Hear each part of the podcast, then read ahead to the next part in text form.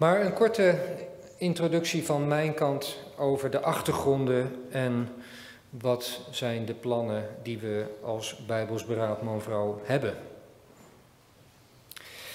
Ik denk dat ik vanmorgen niet anders dan daarbij ook zou moeten beginnen vanuit het woord en de onvoorstelbare rijkdom die de Heere ons heeft meegegeven in zijn woord wanneer het gaat over de schepping van man en vrouw en hoe zij zich tot elkaar mogen verhouden en hoe het huwelijk daar zijn plaats in krijgt. En je ziet tegenwoordig vaak timelines in allerlei verband en ik moest aan dat beeld denken, want zo is er ook een timeline die de Bijbel ons voorhoudt en waar het ook vaak gaat over deze thema's. En die timeline die begint bij de schepping. Ik weet dat ook dominee van Aalst daar straks nog iets over hoopt te zeggen. En we hebben er daar zojuist ook over, over gelezen. Maar als je Genesis 1 en Genesis 2 op je laat inwerken, dan raak je onder de indruk van de grote gave die de Heere ons daar schonk. Hij schiep mensen naar zijn beeld, man en vrouw schiepen hen en hij zegende hen. Staat er dan zeer betekenisvol. Je zou bijna zeggen, was dat nog nodig in het paradijs? Alles was volmaakt? Nee, maar hij gaf daar zijn bijzondere zegen aan. En hij gaf ook reeds in het paradijs de opdracht om vruchtbaar te zijn en zich te vermenigvuldigen. Ik trof me laatst ook dat er dan staat dat zelfs in het paradijs staat er dan dat de man zijn vader en moeder verlaten zal. verlaten is denk ik iets wat wij gewoonlijk associëren met een gevallen wereld. verlaten, dan ontstaat er afstand, dan ontstaat er scheiding. En zo was het niet in het paradijs. In het paradijs was het volmaakt. Maar het was evenwel de opdracht in Gods volmaakte schepping dat de man zijn vader en moeder zou verlaten om één te zijn met zijn vrouw. En zoals ik ook in mijn gebed zei, ik geloof dat je daar ook een bijzonder beeld in mag zien van God. Dat de drie enige God, die daardoor volmaakt verheugd was in zichzelf, maar die ook die, die, die, die vreugde, die volmaakte vreugde, altijd heeft gehad van een drie-eenheid. Dat die drie enige God mensen schept naar zijn beeld en naar zijn gelijkenis. En daarin het geeft dat er een twee-eenheid mag zijn in het paradijs van man en vrouw. Want ze zullen tot één vlees zijn. En in die bijzondere verborgenheid ook de Heer daar een kinderzegen aan wil verbinden. Goed, we weten hoe het gegaan is. Er was de zondeval. Maar dat is niet het einde geweest. De Heer zocht Adam hij zei, Adam, waar zijt gij? En toen, daar begin je, de verstoring begint zich af te tekenen. Wie heeft, wie heeft u gezegd dat u naakt bent? En dan is het wonder, denk ik, dat niet alleen dan de moederbelofte klinkt, zoals we die ook in deze adventstijd uh, herdenken. Ik zal vijandschap zetten tussen u en tussen deze vrouwen, tussen uw zaad en tussen haar zaad. Maar dat de Heer het in zijn goede tierenheid ook geeft dat het huwelijk niet weggenomen wordt. Dat had rechtvaardig geweest. Het had rechtvaardig geweest als de Heer op dat moment had gezegd dat mannen en vrouwen vanaf dat moment altijd elkaars vijanden zouden zijn. Dat had, dat had rechtvaardig geweest, want Adam had gezegd, de vrouw die gij mij gegeven heeft. En daar tekende de verdeeldheid zich af. Maar dat deed de Heer niet. De Heere wilde dat het huwelijk ook nog in stand zou blijven, ook na de zondeval. En dat dat een gezegend huwelijk zou mogen zijn. En dat ook in die gezegende, die gezegende twee-eenheid ook kinderen gebaard zouden worden. Weliswaar met smart. Het zou niet zo zijn zoals het was voor de zondeval. Maar toch, er zou liefde zijn tussen mannen en vrouwen. En er zouden kinderen zijn En uit die kinderen zou het zaad met een hoofdletter komen, namelijk Christus. Maar goed, je ziet dan ook dat direct dat begint te ontsporen. Eva krijgt een kind. En ze noemt het dat ze een man van de Here gekregen heeft, Kain. En dan lees je het geslacht van Kain. En daar komt Lamech naar voren als een wrede man. En wat is het eerste wat we van hem lezen? En is dat hij zich twee vrouwen nam. En zo begint er een ontsporing na de zondeval te ontstaan, die zich tot op de dag van vandaag voortzet. Ik moet vaak denken, er wordt nogal eens gesproken over de val als een eenmalig iets. Dat is gebeurd en toen ontstond er een nieuwe toestand en dat is ook zo. Uh, maar er is ook een voortgaand proces. Een voortgaande val, een vrije val, die zich, heeft, die zich voortdurend nog afspeelt en die we vandaag ook zichtbaar zien worden. De Heere behaagde het om ook bij uitstek het huwelijk te steunen door de tien geboden te geven. Eert uw vader en uw moeder op dat uw dagen verlengd worden. Het vijfde gebod, waarin de, het gezin als de kleinste cel van de samenleving wordt getekend en waarin ook het gezin beschermd wordt en waarin het gezin ook bestaat bij het eren van de ouders door de kinderen. Het niet zullen echtbreken, het zevende gebod, en het niet zullen begeren, het laatste gebod, het slotstuk, waarin ook alle, alle onjuiste, alle zondige verlangens en begeertes zijn besloten, maar waar ook uit expliciet staat, ge zult niet begeren uw naaste vrouw. Nou, die wereld heeft zich ontwikkeld. Christus is gekomen. En dan valt het ook zo op dat ook in zijn tijd dat enerzijds de zondigheid van het menselijke bestaan is waar hij mee geconfronteerd wordt. Maar ook hij heiligt het huwelijk. De, het eerste wonder is het wonder wat gebeurt bij de bruiloft te Cana. En, en ligt daar ook niet een betekenis in dat de Heer Jezus daarmee zijn bijzondere ook zegen wil uitspreken over het huwelijk als een instelling Gods. Maar ook als geen ander laat hij ook klinken de diepe geestelijkheid van de wet.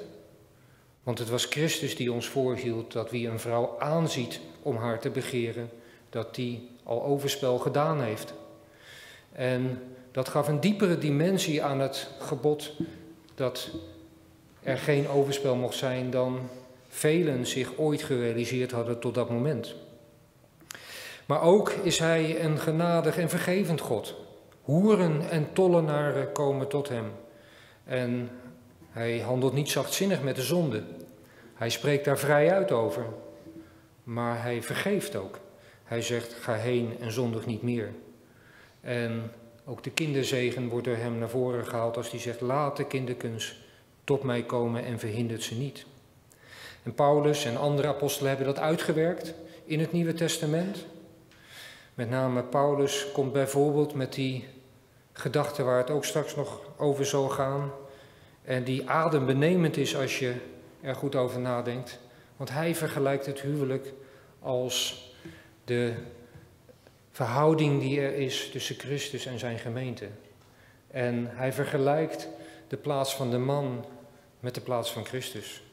En hij vergelijkt de vrouw met de plaats van de gemeente.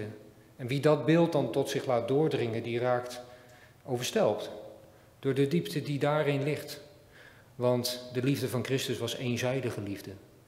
De liefde van Christus is liefde die altijd ingaat dwars tegen al onze ongestalte en wangestalte heen, als de Heer ons genade schenkt. Maar desondanks blijft die liefde. En het is die liefde die Paulus dan ook een man voorhoudt, die de liefde zal zijn die een man tot zijn vrouw heeft. En zo is er de wederzijdse liefde van de vrouw tot de man.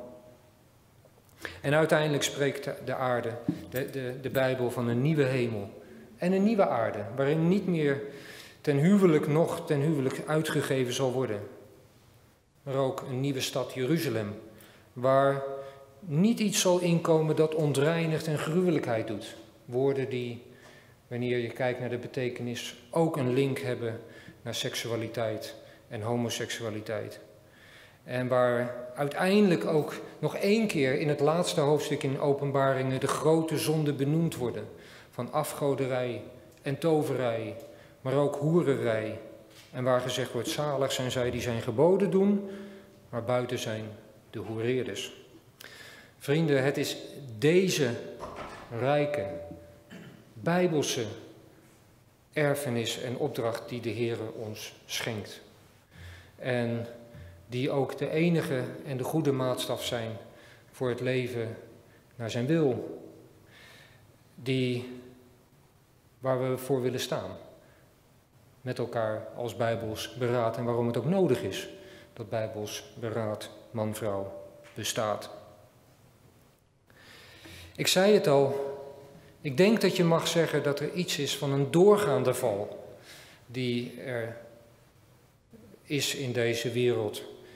En die zie je op meerdere manieren, maar die zie je zeker ook in wat wij noemen, wat is de seksuele revolutie, die ook werkelijk een revolutie is. Wij associëren het begin ervan vaak met de jaren 60. Als je het boekje leest van De Vries en Klaassen, wat jullie gehad hebben, dan wijst met name Klaassen daar ook in aan dat die wortels al veel eerder liggen.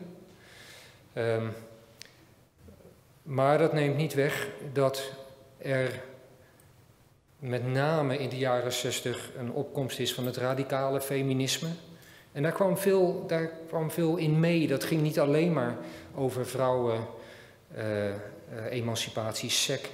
Het ging ook over afwijzing van klassieke normen voor seksualiteit. Het ging ook over afwijzing van klassieke opvattingen over, seks, over het huwelijk over moederschap en gezin en de plaats van de moeder en abortus daaraan verbonden als mensenrecht. En de werkende vrouw als het enige model. Het ging over al die thema's in die tijd. Later kwam het accent te liggen, jaren 80, jaren 90, op de emancipatie van homo's. En dat begon met een vraag om ruimte, om gedoogd te worden. Dat ontwikkelde zich tot een strijd om gelijke rechten. Bijvoorbeeld het recht om te mogen trouwen. En het werd vandaar uiteindelijk een eis tot onvoorwaardelijke acceptatie. Waarbij niet langer gesproken mag worden over bijvoorbeeld het huwelijk als man en vrouw als norm. Heteronormativiteit is het woord wat daarbij gebruikt wordt. En dat is in de ogen van, van velen is dat een schadelijk ding heteronormativiteit. En nu zie je de beweging waarbij eigenlijk alle biologische geslachten min of meer gerelativeerd worden. Waarin geslacht een keuze wordt, en dat noemen we gender. En waarbij het aanvankelijk ging om de toegang tot mogelijkheden voor geslachtsaanpassing voor mensen die worstelden met gevoelens van een ander geslacht te zijn, maar waarbij uiteindelijk het gaat over wat men noemt de afschaffing van de dictatuur van de natuur. De ontkenning van biologische geslachten en gender als een vrije keuze die zich in eindeloze variaties kan voordoen. Die seksuele revolutie heeft zich niet afgespeeld in, en die speelt zich niet af in een geïsoleerd, geïsoleerde beweging. Die, en het voert te ver voor dit verhaal om daar nou heel lang bij stil te staan, maar die heeft zijn wortels in de verlichting. Die heeft zijn wortels in de Franse revolutie met de aandacht die er was voor gelijkheid en vrijheid.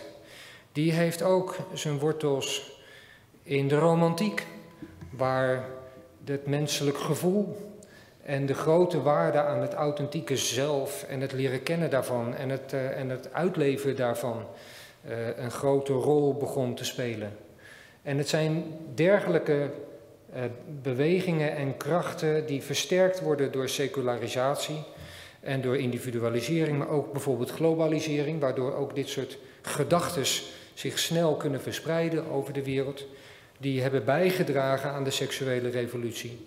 En die uiteindelijk, als je de optelsom maakt, niet minder inhouden dan een poging om de scheppingsorde te vernietigen, een poging om datgene wat normaal gesproken verboden was, ook voor gezond, met gezond verstand denkende mensen, uh, met normale normen over goed en kwaad, waarbij het verbodene de norm wordt, die geaccepteerd moet worden, waarbij de mens in volkomenheid zijn eigen God is en waarbij dat alles ondersteund wordt door een waarheidsbegrip, waarbij eigenlijk de boodschap is, er is geen objectieve waarheid. En daarom bepaal jij wie je wilt zijn en je bent erin ook vrij. En het is dat gedachtegoed wat op allerlei mogelijke manieren onze samenleving eh, doordringt. Daar zijn internationale organisaties die daarin hun rol met verven nemen, zoals de Verenigde Naties, de World Health Organisaties, mensenrechtenorganisaties. Er zijn nationale overheden die hierin een belangrijke opdracht zien om hun burgers op te, voeden, op te voeden om te leven naar zeg maar wat vanzelfsprekend is in deze tijd. Want ehm, wat niet meer is van deze tijd, dat is, uh, dat is achterhaald. En waar zich dat vertaalt naar allerlei middelen, wetsaanpassingen, richtlijnen, subsidies, voorlichtingsprogramma's, propaganda en, en al die krachten meer. En ja, je hoeft maar één dag uh, het nieuws te volgen en je vindt er een aantal voorbeelden van. Internationaal zijn ze er op alle mogelijke manieren. Ik denk aan het op zichzelf positieve bericht vorige week in Engeland, waarbij het Hoge Rechtshof zich uitsprak dat uh, kinderen beperkt moeten worden tegen, eh, beschermd moeten worden tegen gebruik van medicijnen om geslachtsverandering te bewerkstelligen. Um, en dat is dan Engeland. Als u zich verdiept in wat de vrijheid is die er in Nederland is op dit punt, die is heel groot. Uh, maar daar was dan een rechter die zich vorige week uitsprak dat dat te ver ging. En dat kinderen die nog denken als kinderen en die onzeker zijn, daarin ook bescherming behoeven totdat ze een bepaalde leeftijd hebben gekregen. Dus internationaal speelt er veel en in Nederland uiteraard niet minder. Neem dat bericht van even geleden over de eerste transgenderkliniek voor kinderen en jongeren. Dus dat gaat in tegen dat besluit wat ik net zei over wat er in Engeland gebeurde. Maar waarbij uiteindelijk het gaat over alle facetten van de manier waarop we leven, inclusief onze taal. En uiteraard was er ook recent de ophef over het reformatorisch onderwijs. Nou zou dat allemaal tot daaraan toe zijn. Maar het is natuurlijk ook zo dat wij als kerken en als christenen hier allemaal niet immuun voor zijn. Integendeel, wij zijn zondig van nature, we zijn geneigd tot zonde, we zijn ook geneigd tot aanpassing. En wie wat dat betreft, denk ik, eerlijk nadenkt over hoe het er in, het eigen, in zijn eigen leven bijstaat, hoe het er in het eigen gezin bijstaat, hoe het er in de eigen gemeente bijstaat, in de eigen kerken, die vindt volop redenen om zich te verootmoedigen voor het aangezicht van de Heer. Want ook in ons en onder ons is er veel gaande.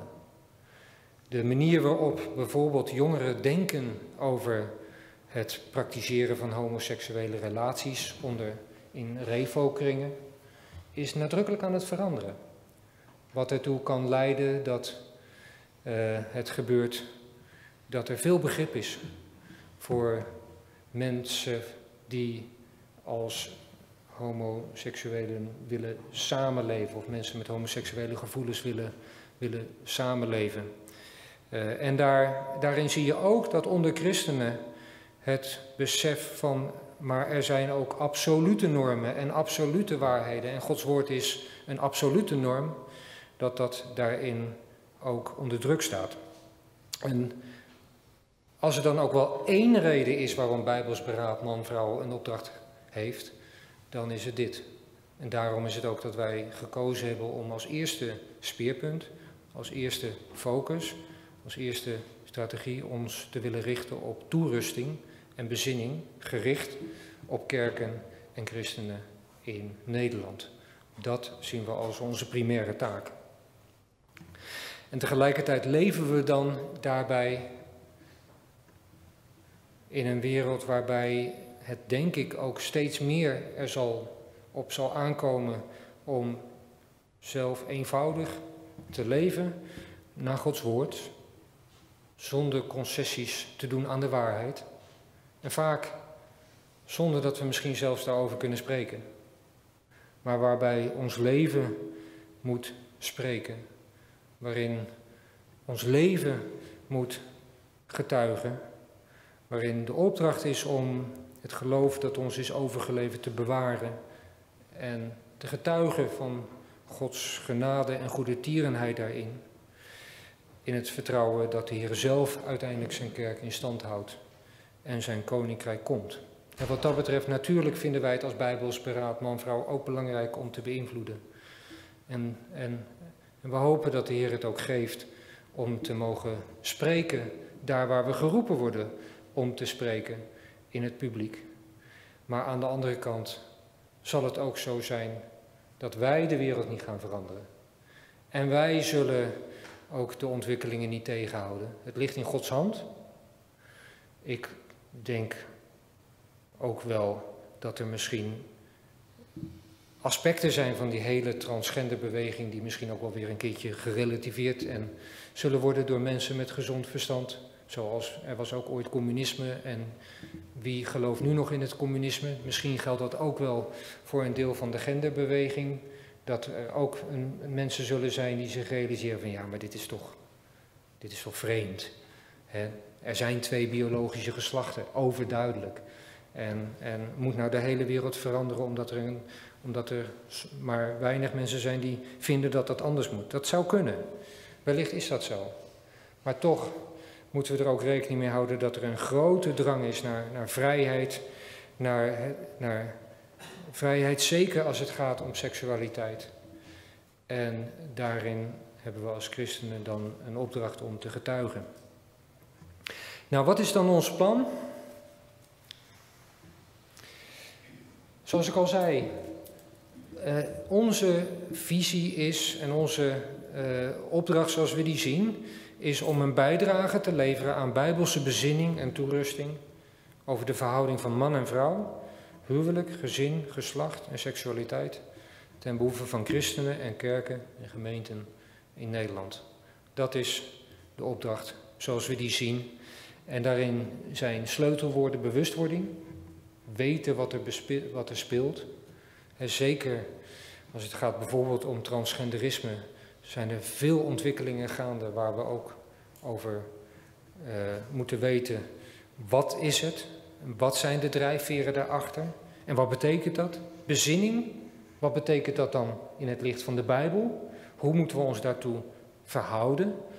En toerusting, hoe kunnen we dat ook uitdragen naar jongeren, naar gemeenten, naar ambtsdragers die geroepen zijn om hierin ook voor te gaan, te onderwijzen en voor te leven. Dat zijn de dingen waar het om draait. En we willen dat doen vanuit een platform waarin de breedte van kerkelijk Nederland, voorgangers en predikanten vanuit de breedte van kerkelijk Nederland samenwerken, die het eens zijn over het feit van ja, maar wat de Bijbel op dit punt leert, dat is voor ons de norm. En van daaruit willen wij werken en denken. En met alle verschillen die er dan verder ook mogen zijn, en die we ook niet willen relativeren, en ook waarvan we ook niet willen zeggen dat die verschillen dan onbelangrijk zijn, maar toch op dit belangrijke thema vinden we dat we met elkaar sterk moeten staan omdat er een, een, een grote opdracht ligt. Daarbij zal het erom gaan om dat niet alleen defensief of negatief te doen, maar ook juist eh, de rijkdom van Gods woord daarin ook uitsprekend en voorlevend, waarbij we beseffen dat we geen eiland zijn, maar waarbij we samenwerken met relevante internationale netwerken, maar ook met organisaties in Nederland. En het is ook fijn dat een heel aantal daarvan vanmorgen in ons midden zijn, die op allerlei verschillende manieren ook met deze thematiek te maken hebben en waarbij we elkaar in voorkomende gevallen ook willen opzoeken en willen samenwerken. De structuur zoals die gegroeid is van uh, onze stichting, want inmiddels is het ook een stichting, is als volgt. Er is een bestuur met een mannetje of zes, deels predikanten, deels wat mensen met een meer bestuurlijke achtergrond. Er is een visiegroep die bestaat uit predikanten en voorgangers. Met name ook bedoeld om als, uh, als een klankbord te fungeren, maar ook om, om, om gezamenlijk ook na te denken over vraagstukken uh, die er zijn. Er zijn werkgroepen, om precies te zijn één op dit moment, maar dat worden er uh, meer. Um, ik zal over die ene werkgroep straks ook nog iets zeggen. En we hebben vrij veel energie willen stoppen in het vormen van een redactieteam onder leiding van dominee Rini van Renen. Um, omdat we het eigenlijk wel als onze eerste taak zien waar we serieus werk van willen maken, is te schrijven, te publiceren. Uh, uh, artikelen, boeken en wat dies meer zijn. En dus ik vind het ook fijn om vandaag te zien dat van de redactie er ook scribenten zijn, maar ook bijvoorbeeld vertalers.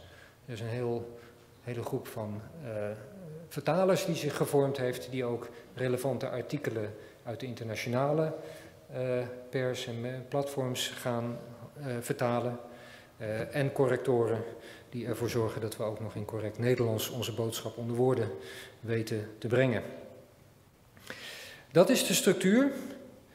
Um, en ik zei het al, belangrijk daarin is, is publiceren. En belangrijk is daarom ook de website Bijbels Beraad Man-Vrouw, die ook vandaag toegankelijk is.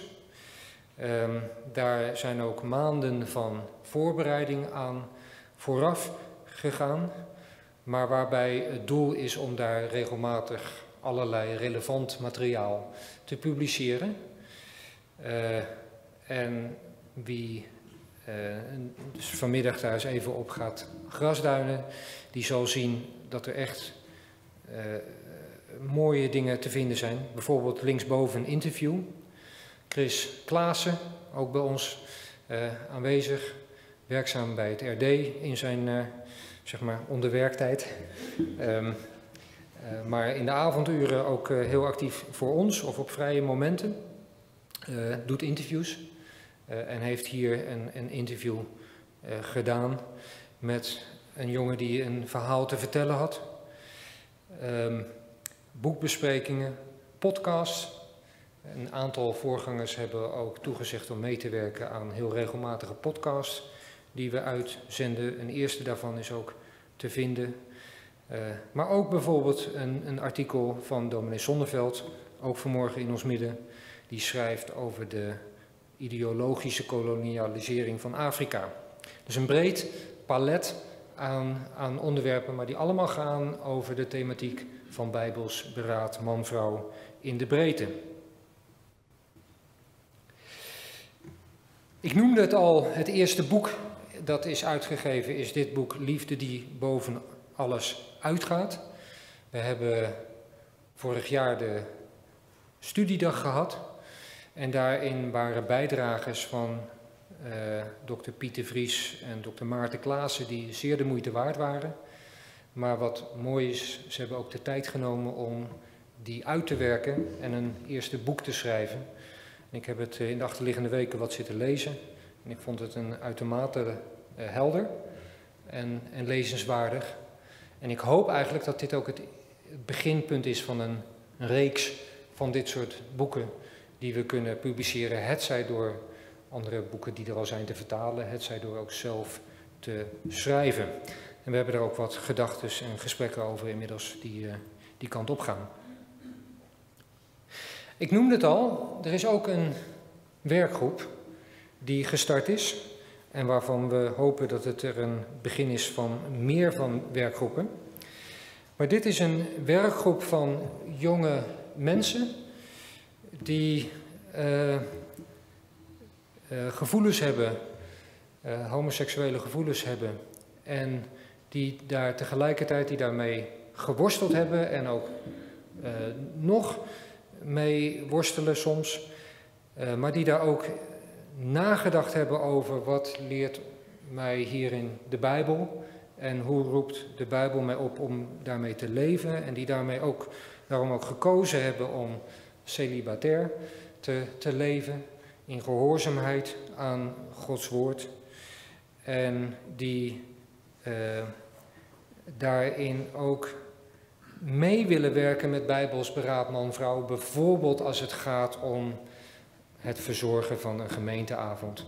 En daarin ook een verhaal kunnen doen over hoe uh, zij daarin hun, proces hebben meegemaakt en tot welke gedachten ze daarover zijn, zijn gekomen of, of, of op een school.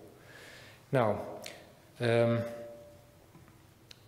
we vinden dat ook een, een hele waardevolle uh, uitbreiding van Bijbelsberaad man-vrouw. En we hopen ook met uh, deze werkgroep op een heel goede samenwerking. Um, en uh, we, ja, we denken er op die manier ook over dat, dat op, deze manier kunnen we ook ja, niet alleen over mensen praten, maar ook met elkaar uh, spreken en ook, als de Heer het geeft, getuigen. Concreet, en daarmee wil ik dan afronden. Wat is ons plan uiteindelijk voor 2020? Wat zijn de dingen die we dan concreet hopen te gaan doen? Nou, dat is in de eerste plaats gaan we natuurlijk via de website Bijbelsberaad Man Vrouw en nieuwsbrieven die regelmatig verstuurd zullen worden, hopen we te werken aan publicaties. Dat is onze nummer één prioriteit. Ik zou bijna zeggen, als we nou al die dingen, andere dingen niet helemaal lukken, maar dit wel, dan geloven we toch dat we daarmee al een belangrijk eh, doel hebben bereikt. We willen werken, als het mogelijk is, aan een brede zomerconferentie die we volgend jaar hopen te organiseren. Uh, en we zijn daarover aan het nadenken, maar we denken dat die in het thema zou moeten staan van huwelijk en man-vrouw relaties in de brede en diepe zin van het woord.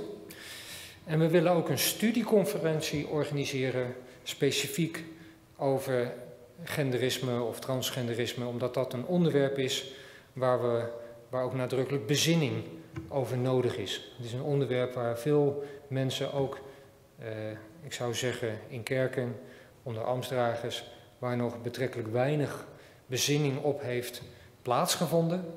En het is hoog tijd om dat wel te gaan doen.